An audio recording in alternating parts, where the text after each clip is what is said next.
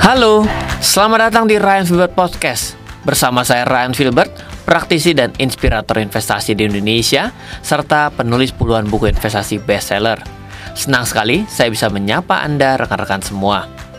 Dalam channel podcast ini, mari kita belajar bersama-sama mengenai investasi, keuangan, dan bisnis. Saya akan berbagi update, strategi, maupun hal-hal dasar terkait semua hal tersebut.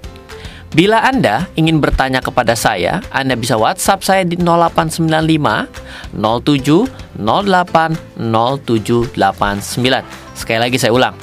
0895 07 08 0789. Silakan Anda add WhatsApp saya sekarang untuk bertanya maupun berdiskusi bersama saya. Selain podcast ini, Anda juga bisa menemui saya di channel YouTube RF Channel. YouTube RF Channel. Semoga selalu bermanfaat. Dari saya Ryan Filbert, salam investasi untuk Indonesia.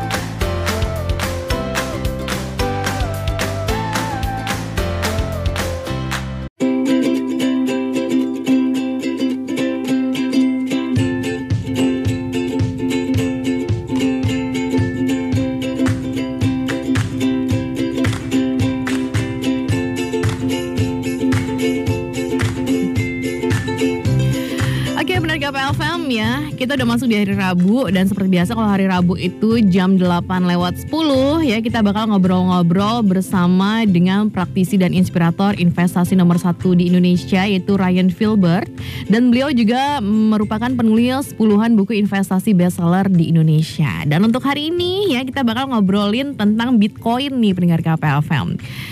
Uh, eh, cukup cukup familiar nggak sih dengan kata Bitcoin nih pendengar KP? Kalau saya sih uh, dengan kata Bitcoin itu uh, cukup cukup familiar gitu ya. Apalagi kemarin kan juga sempat rame tuh ngomongin tentang Bitcoin gitu ya, yang sempat diposting di Twitter sama uh, ownernya Tesla kalau nggak salah ya. Mungkin kita ngobrol-ngobrol dulu nih bareng sama Mas Ryan gitu ya ngomongin tentang Bitcoin itu apa, terus cara ngedapetinnya kayak gimana, terus tuh belinya di mana gitu ya. Halo, selamat pagi. Ya, selamat pagi Mbak Cecil dan seluruh pendengar KP di mana pun Anda berada. Oke, pagi hari ini bagaimana kondisi di Jakarta Mas Ryan? Kalau sekarang saya dari Tangerang ini rasanya mendung nih. Jangan-jangan nanti siang hujan. ya, semoga semoga aja hujannya tidak banjir kayak kemarin ya Mas ya. Hmm, hmm, betul betul siap siap siap. Kalau udah banjir udah deh nggak bisa ngapa-ngapain deh ya. Iya. Oke. Okay. Repot tuh mobilitasnya parah lalu tiba-tiba uh, motor bisa di bawah jembatan semua rame-rame sampai habisin dua jalur. Jalurnya bener, tiga bener. dan dua buat neduh. Waduh saya pusing deh. Uh, uh, bener ya. Tapi ini kalau ngomongin yep. tentang investasi kayaknya kalau Mas Rain mah nggak pusing gitu ya. Apalagi nih ngomongin tentang salah satu uh, bahasan kita untuk pagi hari ini tentang Bitcoin gitu ya. Mungkin sebagian orang tuh masih asing gitu dengan kata Bitcoin. Bitcoin tuh apa sih sebenarnya Mas Ryan? Nah, ini pertanyaannya mungkin saya kan perlu sedikit sensus nih sama survei. Oke, okay, ya, survei dulu. Mbak, Oke, okay, menurut Mbak Cecil juga atau mungkin juga kepada seluruh pendengar KP itu kalau Bitcoin itu apa? Kalau... Apakah investasi? Uh -uh. Apakah mata uang? Uh -uh. Atau kayak tabungan? Apakah Iya mungkin tabungan uh -huh. atau apa alat bukti kepemilikan Nah, apa nih kira-kira apa yang ada di bayangan Mbak Cecil ketika ngomong Bitcoin? Kalau pertama kali nih, kalau pertama kali ngedenger kata Bitcoin gitu ya, saya itu taunya tuh kayak uh, sejenis uh, kayak mata uang gitu. Tapi ternyata memang benar mata sejenis, uang ya. Sejenis koin ya. Uh -uh. Sejenis koin ya. Bener iya gitu ya? makanya ya? kayak okay. mata uang tapi bentuknya tuh koin gitu. Oke, okay, baik. Tapi koinnya ada di mana? Nah, ini pertanyaan selanjutnya nih. Nah, itu dia. Koinnya itu ada di mana? Apakah uh, itu hanya uh, ada di dunia maya atau dalam bentuk digital atau mungkin koinnya bisa dipegang nih kayak uang koin beneran?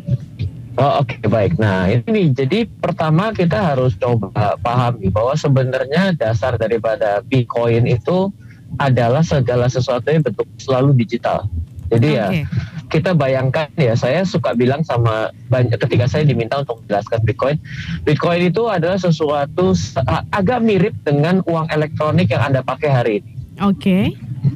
Ya uang elektronik hari ini kan kalau dipakai itu kan tidak lagi hanya untuk bayar tol ya, mm. tapi bisa untuk bayar makanan kita Mm-mm, gitu ya mm-mm, dengan hanya segampang scan QR mm-mm, dan selesai gitu. Nah, mm-mm. tapi eh, Anda langsung bilang begini, oh kalau gitu saya boleh dong, misalnya Ryan, eh, Mbak Cecil mau bayar saya untuk eh, bayar apalah patungan makanan atau apa gitu. Mm-mm.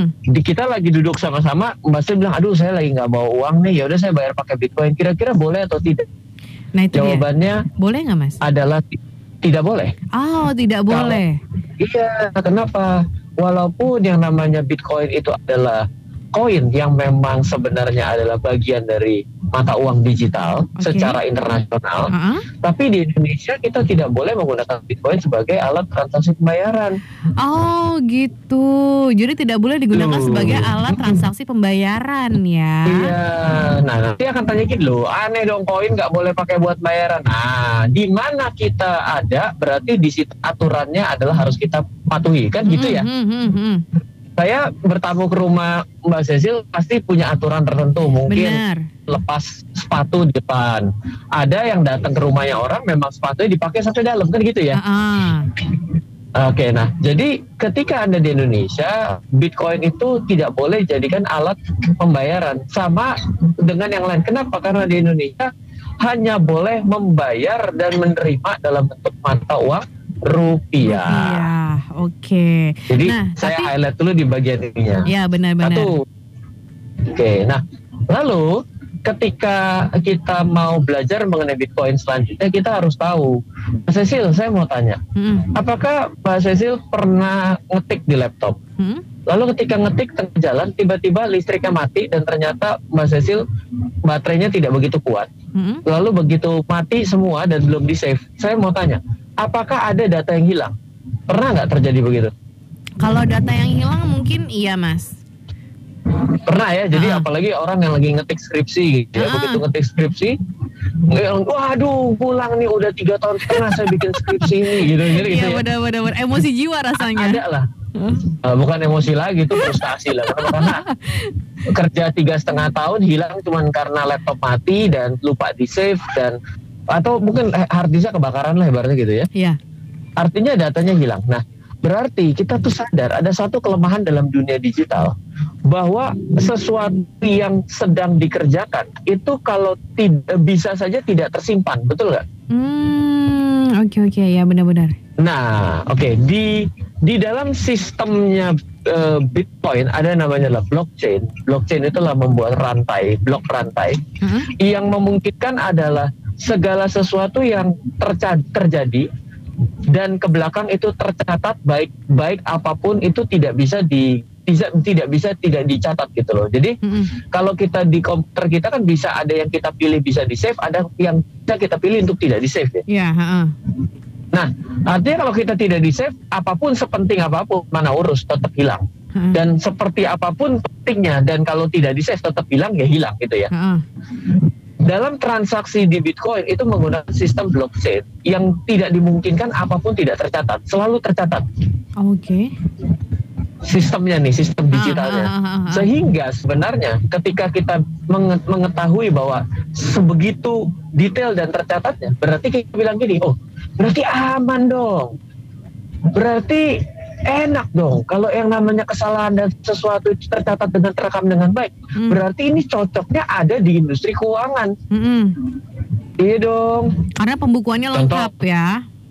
Betul, karena apa? Contoh sederhana, orang lagi belajar financial planning bisa. Dia Hmm. nanya, Mas Ryan, kalau uang parkir itu, saya mesti catat nggak? Catat. Tapi kan susah, Mas Ryan. Kalau dicatat, nah makanya uang elektronik itu kan sebenarnya mewakili ya, bahwa Hmm. uang elektronik kan sekecil apa pun tercatat ya. Ah, ah, benar. Semua transaksi Ah. pokoknya. Betul, makanya kita sudah mulai agak-agak blending nih antara cryptocurrency ini, Bitcoin itu sebenarnya cryptocurrency. Hah? Di awal saya bilang bisa sebagai alat pembayaran, tapi tidak boleh dilakukan di Indonesia. Hah? karena aturan di Indonesia hanya boleh dan terima dan bayar dengan rupiah. Oke. Yang kedua alasannya gini, kok ada orang yang berani sih pakai Bitcoin di dunia kalau di Indonesia nggak boleh? Hah? Karena ya itu tadi sifatnya yang begitu detailnya. Seperti uang elektronik kita yang Hmm. uang 2000 juga, Hmm. uang 1000 juga ketika kita tap tetap aja tercatat Mm, mm, mm, di mm. dalam uang elektronik kita. Kan Mm, gitu ya. mm, mm.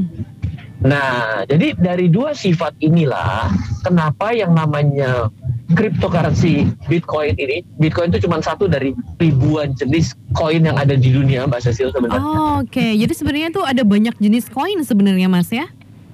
Bukannya banyak, tapi banyak. Oh, sampai muncrat pokoknya ya, banyaknya. Betul. Jadi memang ini hanya satu, tapi kenapa orang jadikan landasan? adalah karena si Bitcoin ini memiliki sistem pencatatan yang sebegitu detailnya seperti yang kita alami dalam industri keuangan, let's say kita. Oh, Oke. Okay. Nah, terus orang bilang gini, pertanyaan selanjutnya nih, saya makan. Oke, okay, Ryan, kalau gitu uh, apa bedanya sama sistem yang dibuat oleh si bank? Nah, ini bagus. Apa itu? Sekarang saya bedanya tanya gini, apa? gini. Oke, okay, um, Mbak, kalau misalnya yang namanya mau transfer uang, hmm? itu pernah nggak transfer tanpa menggunakan bank. Transfer tanpa menggunakan bank bisa. Sekarang kan Bingung. kita udah sekarang kan kita udah bisa pake tuh uh, pakai kayak misalnya uh, dari aplikasi link aja atau mungkin pakai beberapa aplikasi yang lain itu kan bisa kita saling transfer ya Mas ya.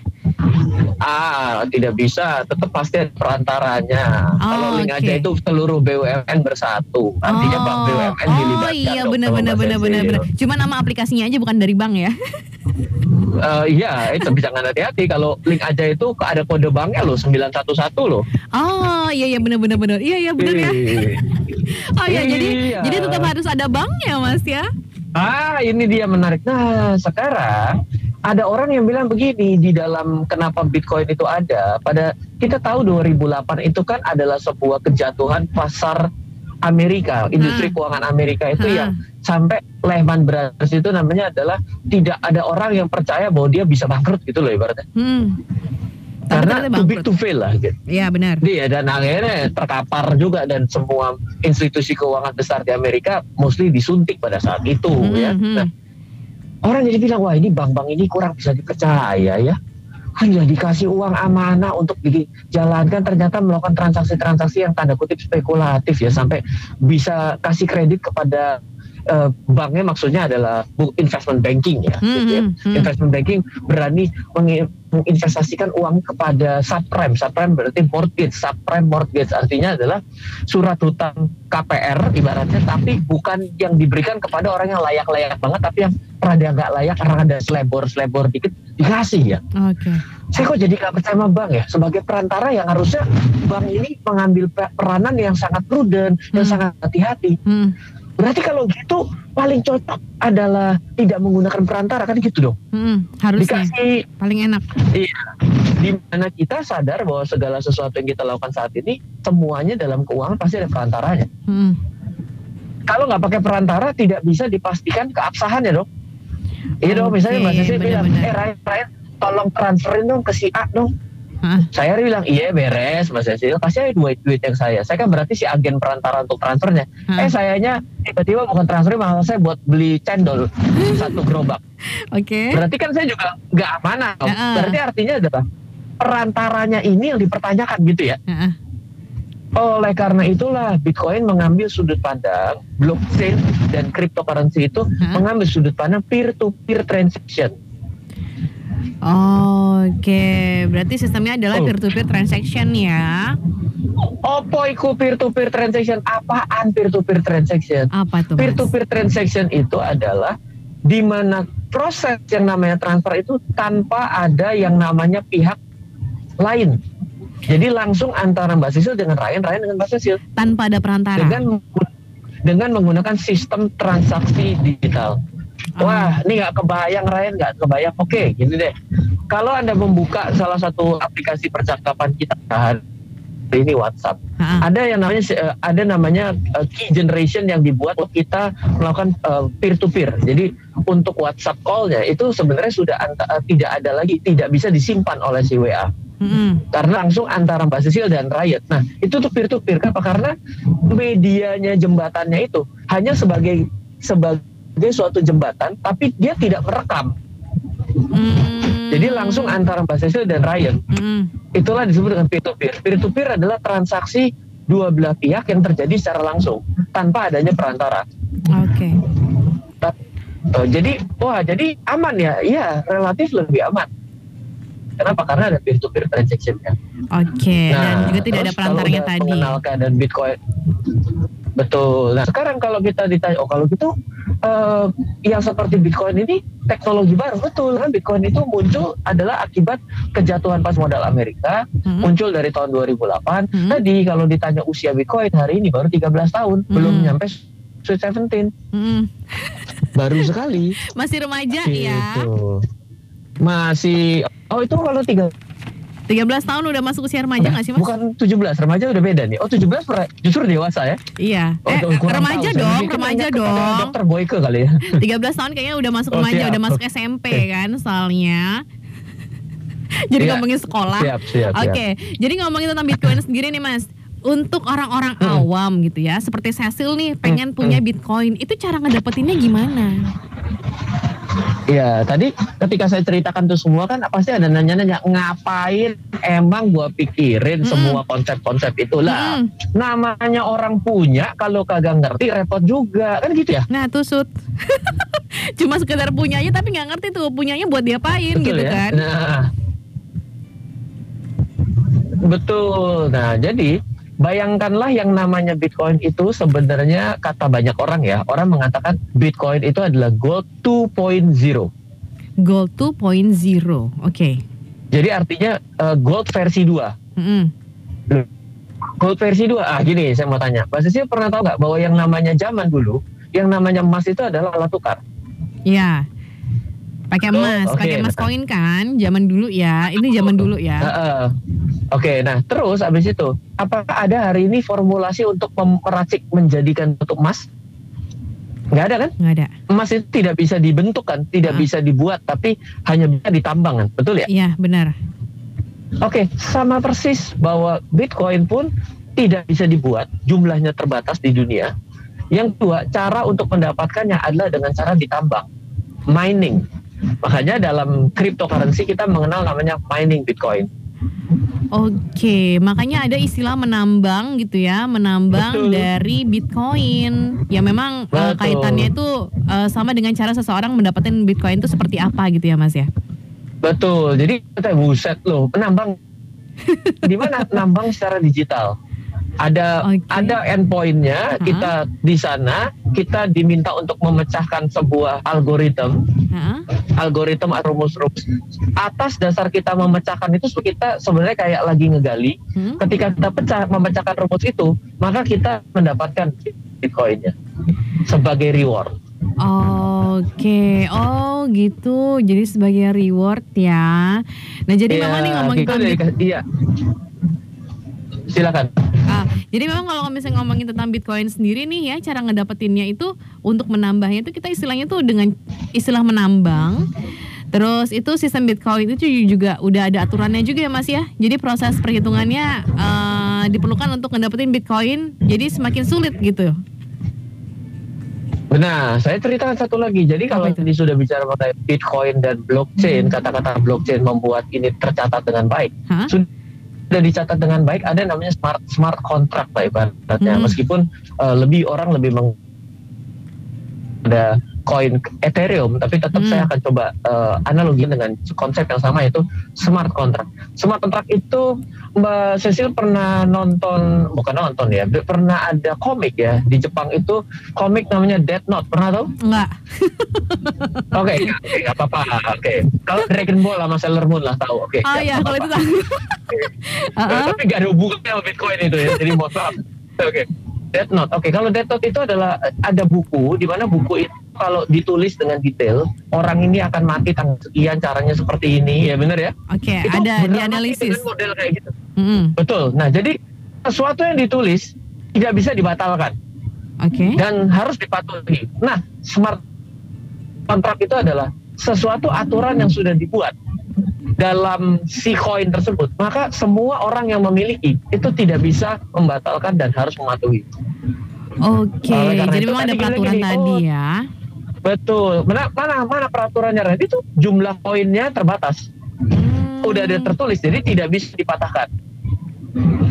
Oke. Oke oke. Dan juga nih ngomongin tentang Bitcoin nih Mas ya. Biasanya uh, untuk Bitcoin sendiri biasanya tuh orang untuk ngedapetin tuh harus nyediain duit berapa sih Mas?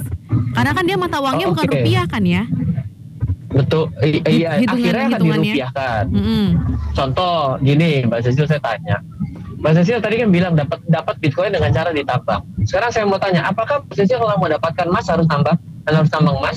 Enggak, beli aja di tempat toko emas. Aha, betul dong. Buset, nambang emas. Emang begitu dapat, eh, emang tuh emas udah murni, bukan harus ada pemurnian emas kan gitu ya? Heeh, ada prosesnya panjang. Betul. Nah, jadi yang namanya Bitcoin pun akan mengambil sudut pandang yang sama. Bitcoin itu bisa dimiliki dengan dua cara. Satu beli dari yang udah punya. Yang kedua, Hah? tambanglah sendiri. Hmm, agak repot ya kalau disuruh nambang sendiri ya. Iya, hidup ini selalu ada orang yang mau repot. Buktinya Iya tuh benar di benar benar.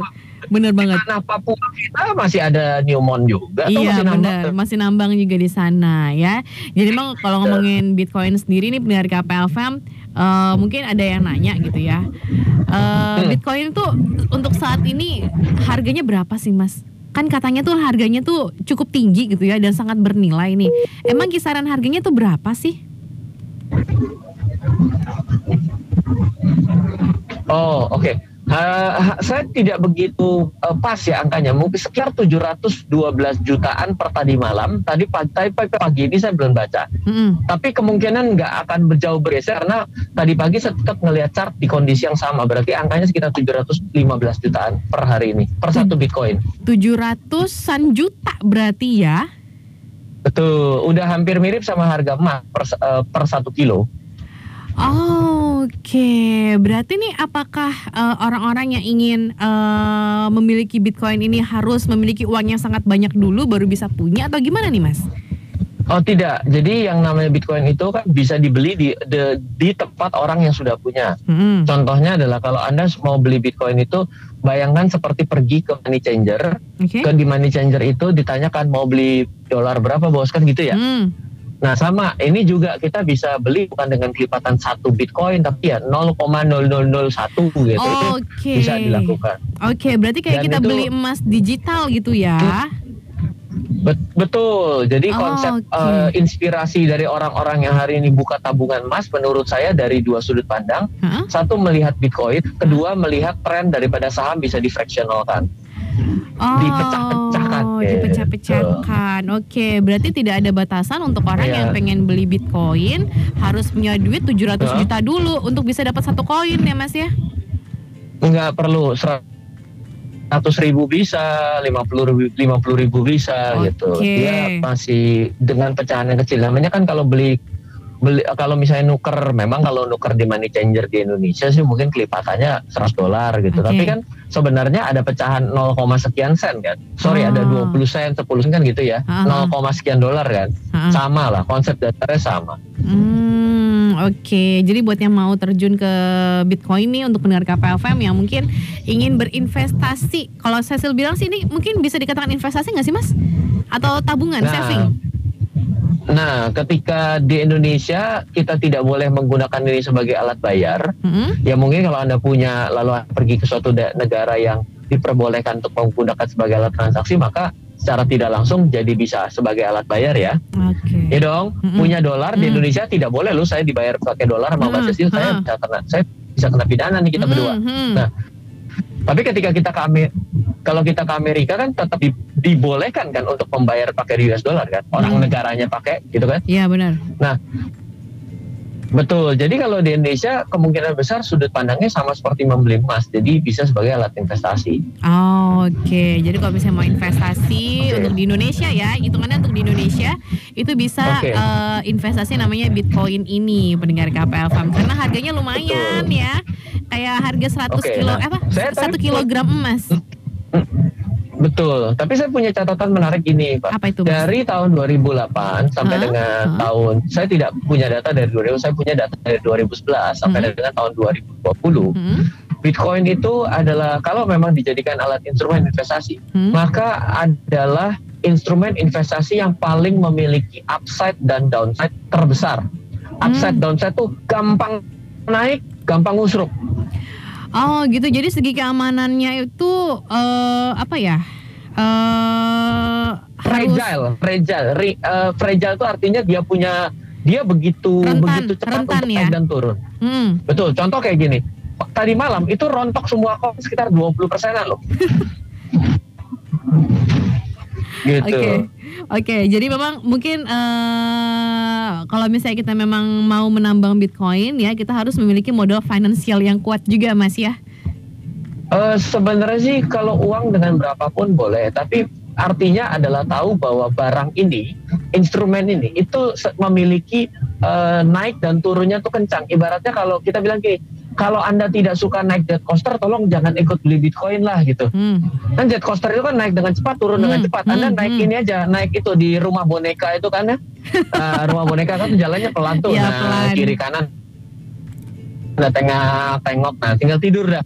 Gitu. Ini nggak cocok nih buat anda yang suka datangnya ke rumah boneka, itu nggak cocok perginya ke eh, Bitcoin karena Bitcoin seperti jet coaster. Kalau anda nggak suka jet coaster, berarti Bitcoin nggak kurang pas gitu buat anda. Oke, mungkin eh, bisa investasi yang lain kayak misalnya mungkin eh, nabung emas digital seperti biasa gitu ya Mas ya. Kalau misalnya memang eh, tidak terlalu suka dengan eh, beberapa instrumen investasi yang harganya tiba-tiba naik atau tiba-tiba turun gitu ya Mas ya.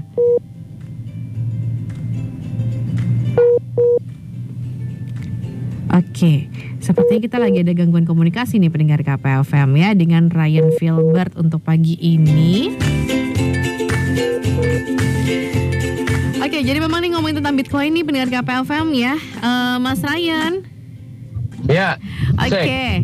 ya. Ini waktu kita masih ada sekitar eh, satu menit lagi ya, mungkin Yes, eh, oke, maaf, bisa eh, memberikan agak saran. blank spot sedikit. Mari kita lanjut. Iya, mohon maaf juga ya. Oke, jadi memang eh, untuk Bitcoin sendiri saran dari Mas Yes. Ryan mungkin eh, untuk para pemula apa dan juga untuk orang-orang yang sudah eh, terjun ke dunia Bitcoin ini seperti apa? Silakan satu menit nih. Ya, Bitcoin ini adalah lahir dalam era digital. Jadi buat yang tanda kutip gaptek, tanda kutip gaptek ya, itu mungkin mengejar memahami konsepnya itu lumayan panjang. Bitcoin menarik karena adalah sebuah konsep desentralisasi, bukan sentralisasi. Sentralisasi itu kita eh, punya bank, semua diatur oleh bank, pencatatan di diatur bank. Bitcoin itu desentralisasi dengan orang lain, antara saya Hmm. dengan orang lain langsung Hmm. ketemu.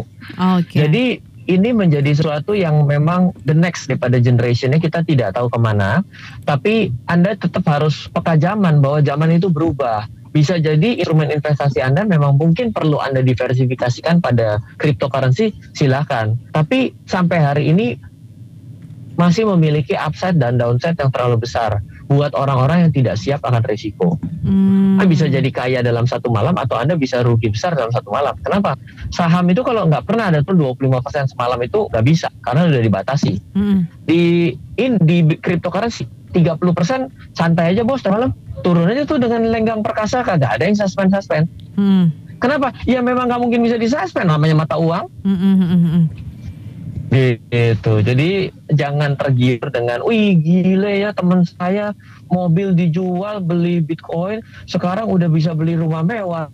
Ah, Lah iya hati-hati jangan-jangan Anda jual rumah mewah ada berubahnya jadi bajai merah warnanya. Oke, jadi memang kalau ngomongin tentang investasi yang gitu kayak begini nih, ya apalagi eh, nilainya bisa cepat naik, cepat turun gitu ya, tetap Mm-mm. harus eh, apa ya, eh, mengelolanya itu harus cerdis, apa cerdas gitu mas ya. Membagi atau disebut dengan alokasi alokasi aset ataupun eh, memiliki pembagian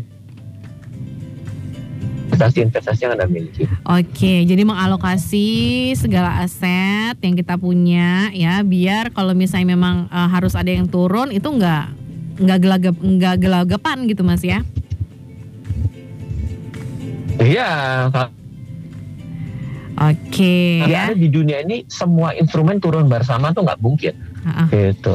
Iya, dan ngomongin saham pun juga nggak semua saham tuh naik nggak dan nggak semua saham tuh turun ya mas ya.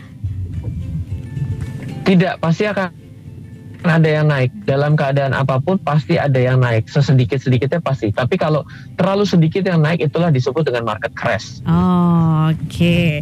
Ya deh, jadi ngomongin tentang Bitcoin ini pendengar KPFM mungkin uh, banyak yang penasaran ya, kenapa sih kok Bitcoin itu mahal banget ya? Karena memang di sini uh, adalah salah satu mata uang digital yang kalau misalnya ditukarkan itu uh, untuk per tadi malam ya sekitar 700-an juta lebih ya itu sekitar kayak uh, satu kilogram.